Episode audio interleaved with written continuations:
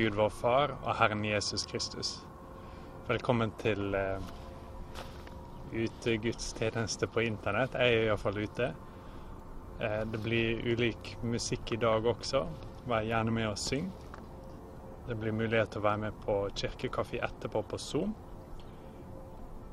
Hvis du har salmebok, så kan det være lurt å finne frem den nå og ha den klar, sånn at du kan synge med på sangene. Og så begynne med å be. Himmelske Far, takk for at vi kan ha gudstjeneste fortsatt, selv om vi må gjøre det på nett.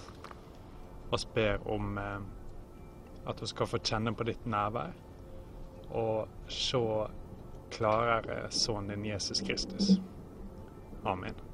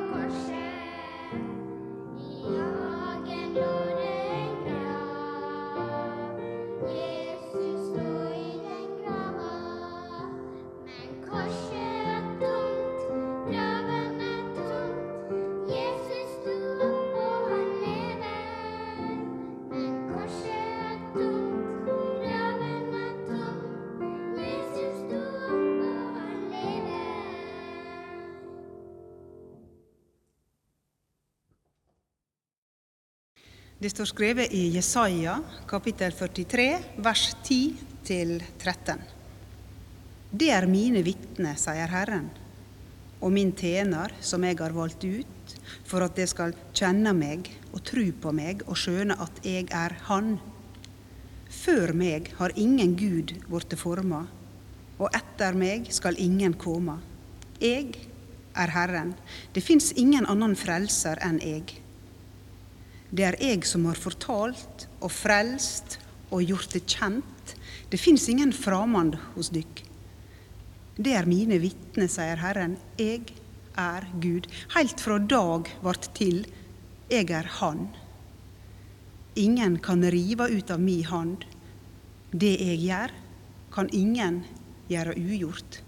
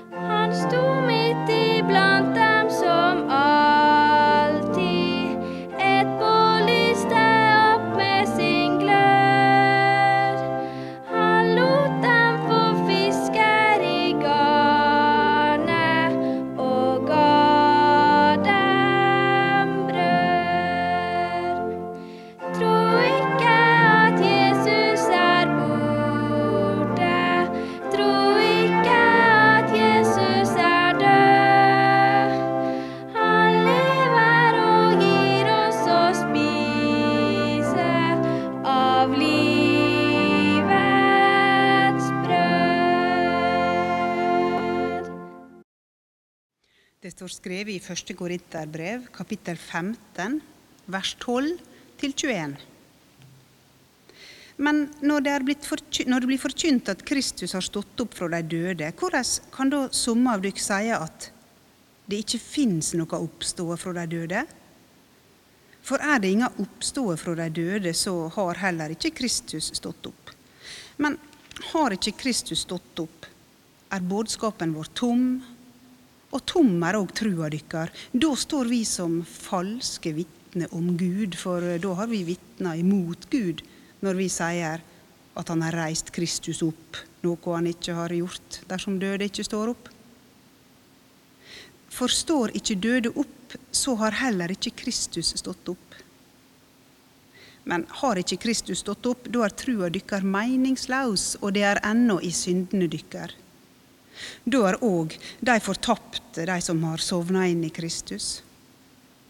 Har vi bare for dette livet, sett vårt håp til Kristus, da er vi ynkeligere enn alle mennesker.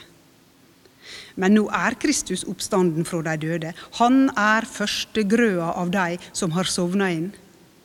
Fordi døden er kommet ved et menneske, så er òg oppståa av de døde kommet ved et menneske.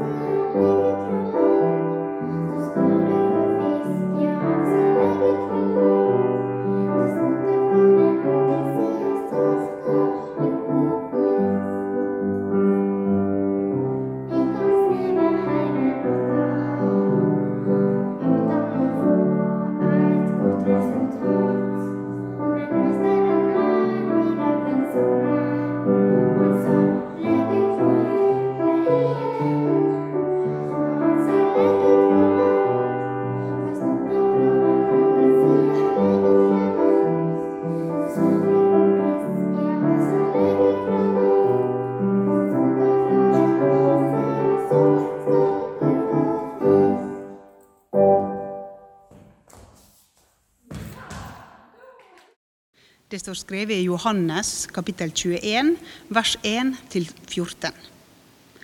Siden åpenbæra Jesus seg enda en gang for læresveinene. Det var ved Tiberiassjøen, og det gikk slik til.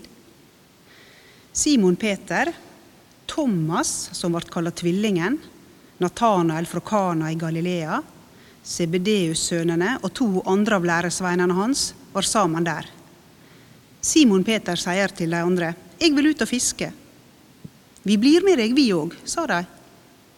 Så gikk de av sted og steig i båten, men den natta fikk de ikke noe. Da det tok til å lysne av dag, sto Jesus på stranda. Men læresveinene visste ikke at det var han. Jesus sa til dem, Har de ikke noe å ete, barna mine? Nei, svarer de. Kast garnet på høyre side av båten, så skal det få, sa han. De kasta garnet, og da greide de ikke å dra det opp. Så mye fisk hadde de fått. Den læresveinen som Jesus hadde kjær, sa til Peter, det er Herren. Da Simon Peter hørte at det var Herren, batt han kappa om seg, den hadde han tatt av, og hoppa i sjøen. De andre læresveinene kom med båten og drog garnet med fisken etter seg. De var ikke langt fra land, bare omkring 200 alner. Da de kom i land, fikk de se et bål der, og det lå fisk og brød på glørne. Kom hit med noe av fisken de fikk, sa Jesus til dem. Simon Peter gikk da ut i båten og drog garnet på land. Det var fullt av store fisker. 153 i alt. Men enda det var så mange, rivna ikke garnet. Jesus sa til dem, 'Kom og få mat'. Ingen av læresveinene våga å spørre han, 'Hvem er du?' De visste at det var Herren. Da gikk Jesus fram, tok brødet og ga dem, og det samme gjorde han med fisken. Dette var tredje gangen Jesus åpenbæra seg for læresveinene etter at han hadde stått opp fra de døde.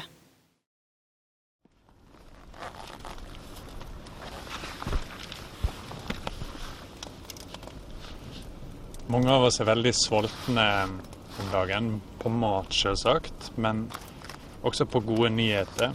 Og vi har veldig lyst til å høre at ting skal gå bra, og vi har lyst på trøst. Og så er på en måte sultnere enn vanlig på den fronten, tror jeg.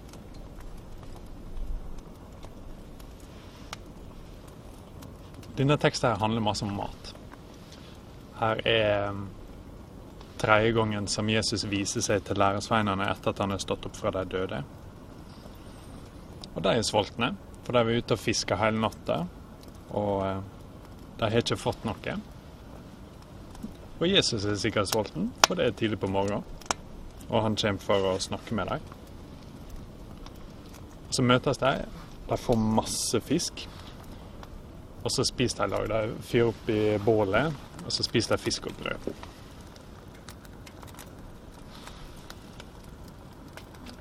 Men så ligger det også litt dypere i teksten at eh, læresveinene finner det de virkelig er sultne på, det sjelene deres er sultne på i dette møtet med Jesus.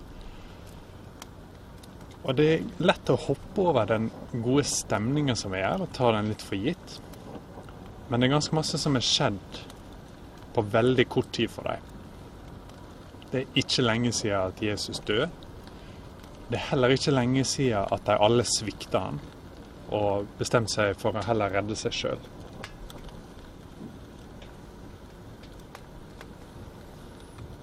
Jeg tror at noen av oss eh, kanskje kjenner på at vi trenger trøst om dagen. At vi er sultne på noe som kan gi håp.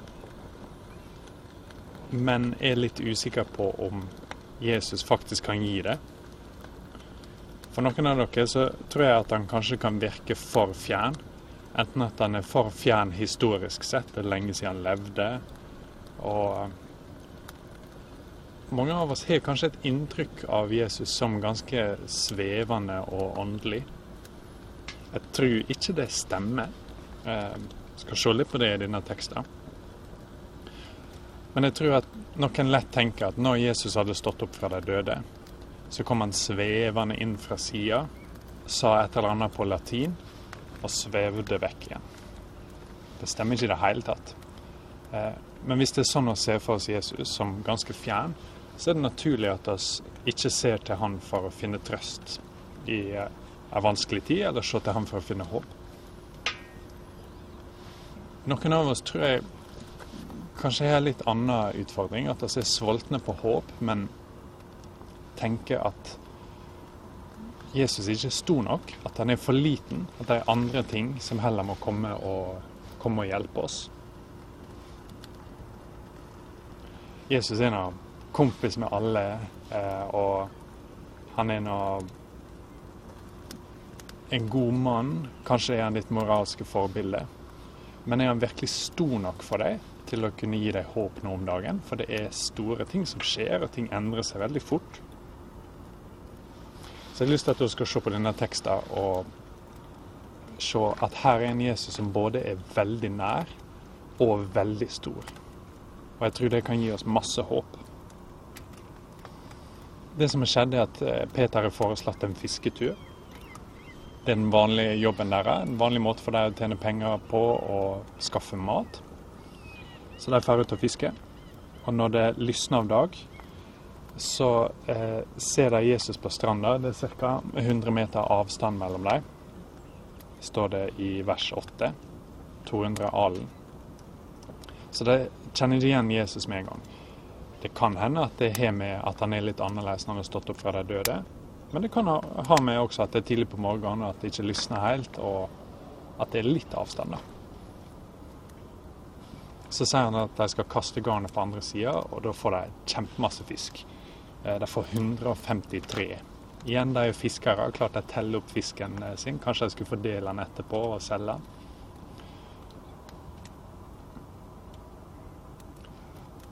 Det som jeg syns er veldig interessant i denne teksten, er både å se at Jesus etter at han hadde stått opp fra de døde, er ganske hverdagslig på en måte. Han eh, møter dem på stranda og da har han fyrt opp bål. Eh, noen ser for seg da at Jesus på en måte sier 'la det bli frokost', og så blir det frokost. Men jeg tror ikke det er nødvendig å tenke sånn. Jeg tror ikke Jesus trenger å gjøre et mirakel for å lage frokost. Han fyrer opp et bål. Han har med seg litt fisk, eller kanskje han er fisker, jeg vet ikke. Og han har med seg litt brød. Og så inviterer han dem til frokost. Så kommer de med mer, eh, mer fisk, og så spiser de i lag. Mm, og han sier 'kom og få mat'. Og i dette så ligger det veldig masse. For vi må huske at det er ikke så lenge siden relasjonen deres til Jesus ble brutt. De valgte sjøl å forlate han når eh, ting ble farlig.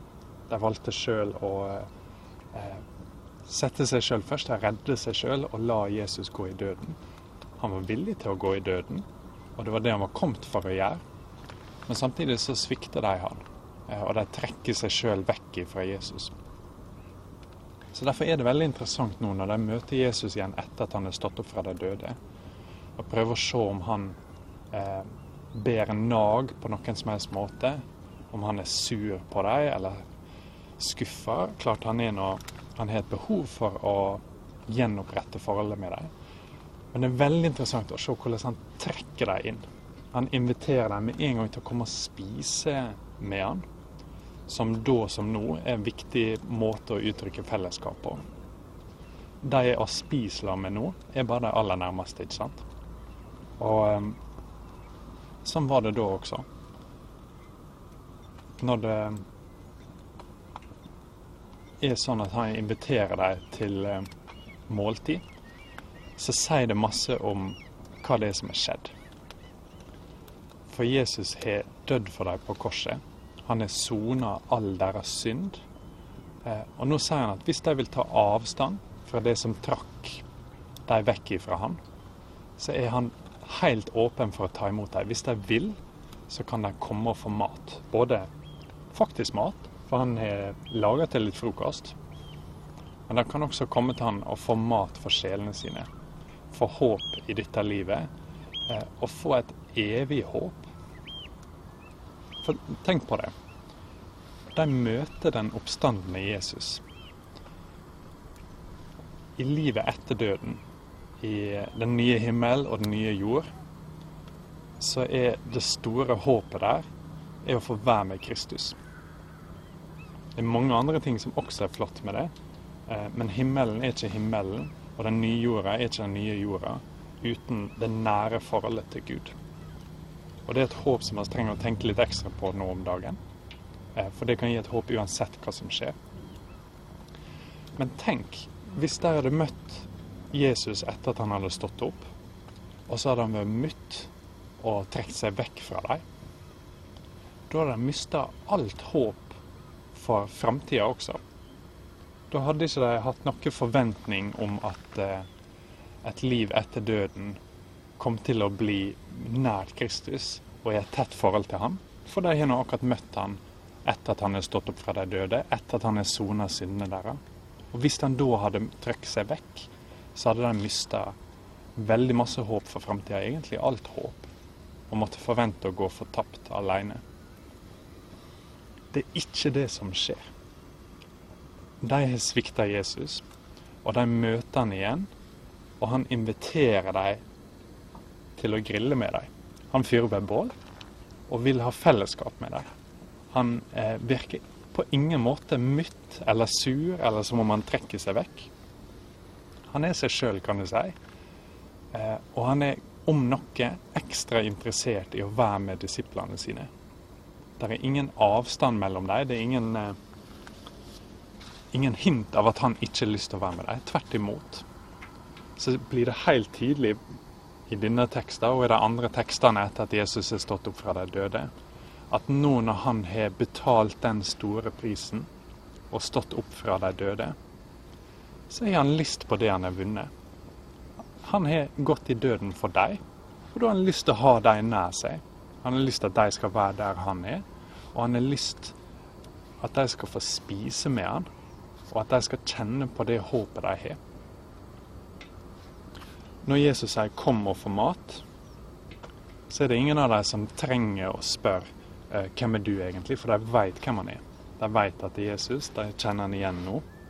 det skjer også i slutten av Lukasevangeliet, hvis du har lyst til å se på det, at to menn som går til Emmaus, kjenner igjen Jesus når de plutselig skal begynne å spise i lag. Jesus går fram, så tar han brødet og gir til dem, og det samme gjør han med fisken.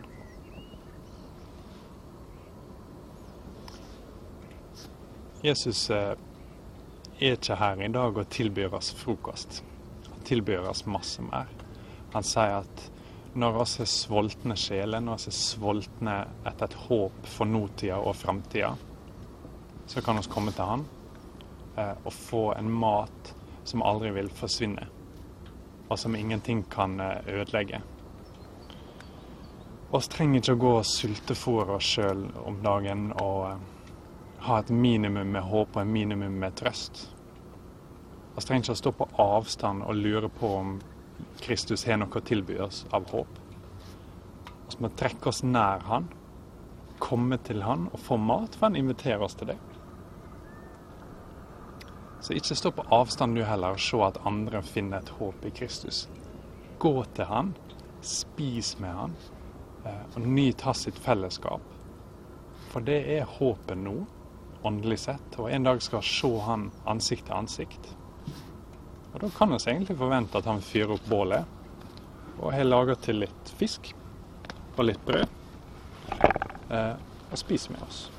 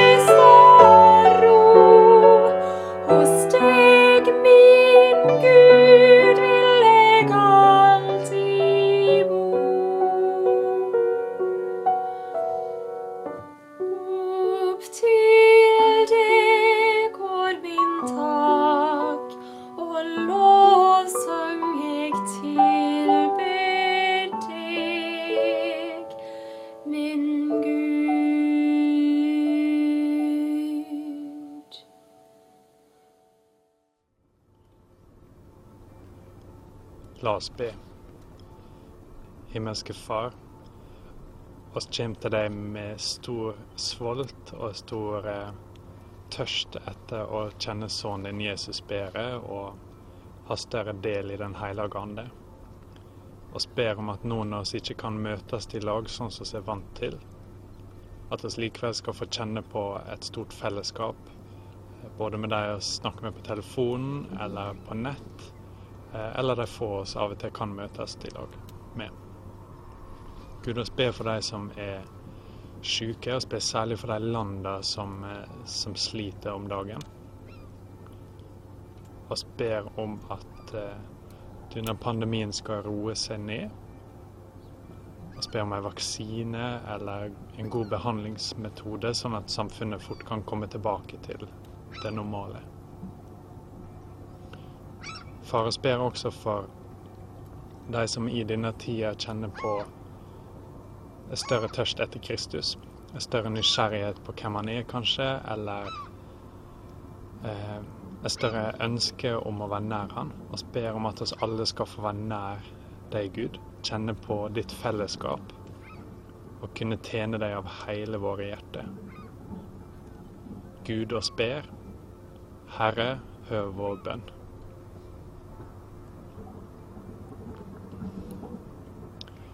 Far oss ber for hverdagen som vi ser inne i nå.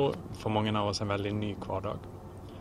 Hjelp alle de som har heimeskole eller heimekontor, eller de som er ute på jobber som kanskje er ganske annerledes enn vanlig, og lurer på hva var det egentlig vi gjorde på før, før dette kom.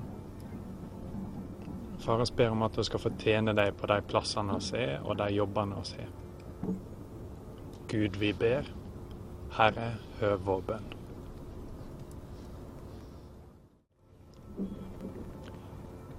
Hvis du har lyst, så kan du gi et takkoffer, en gave, i dag til Stefanusalliansen.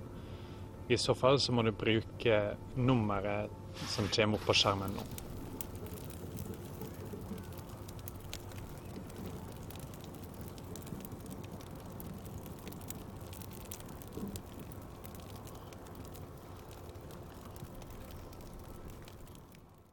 Lat oss prise Herren.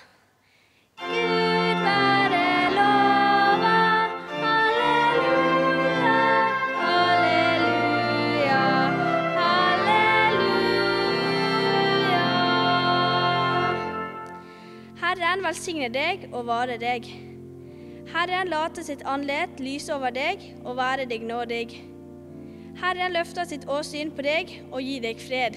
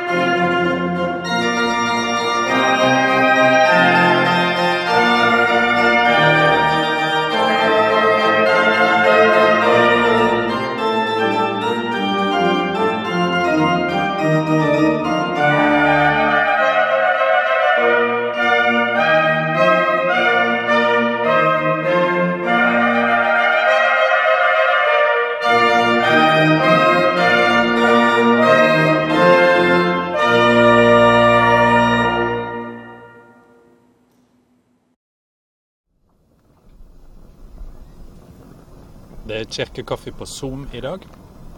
Hvis du følger linken på nettsida, eller bruker nummeret som kommer opp på skjermen, så kan du komme inn i ei åpen Zoom-gruppe.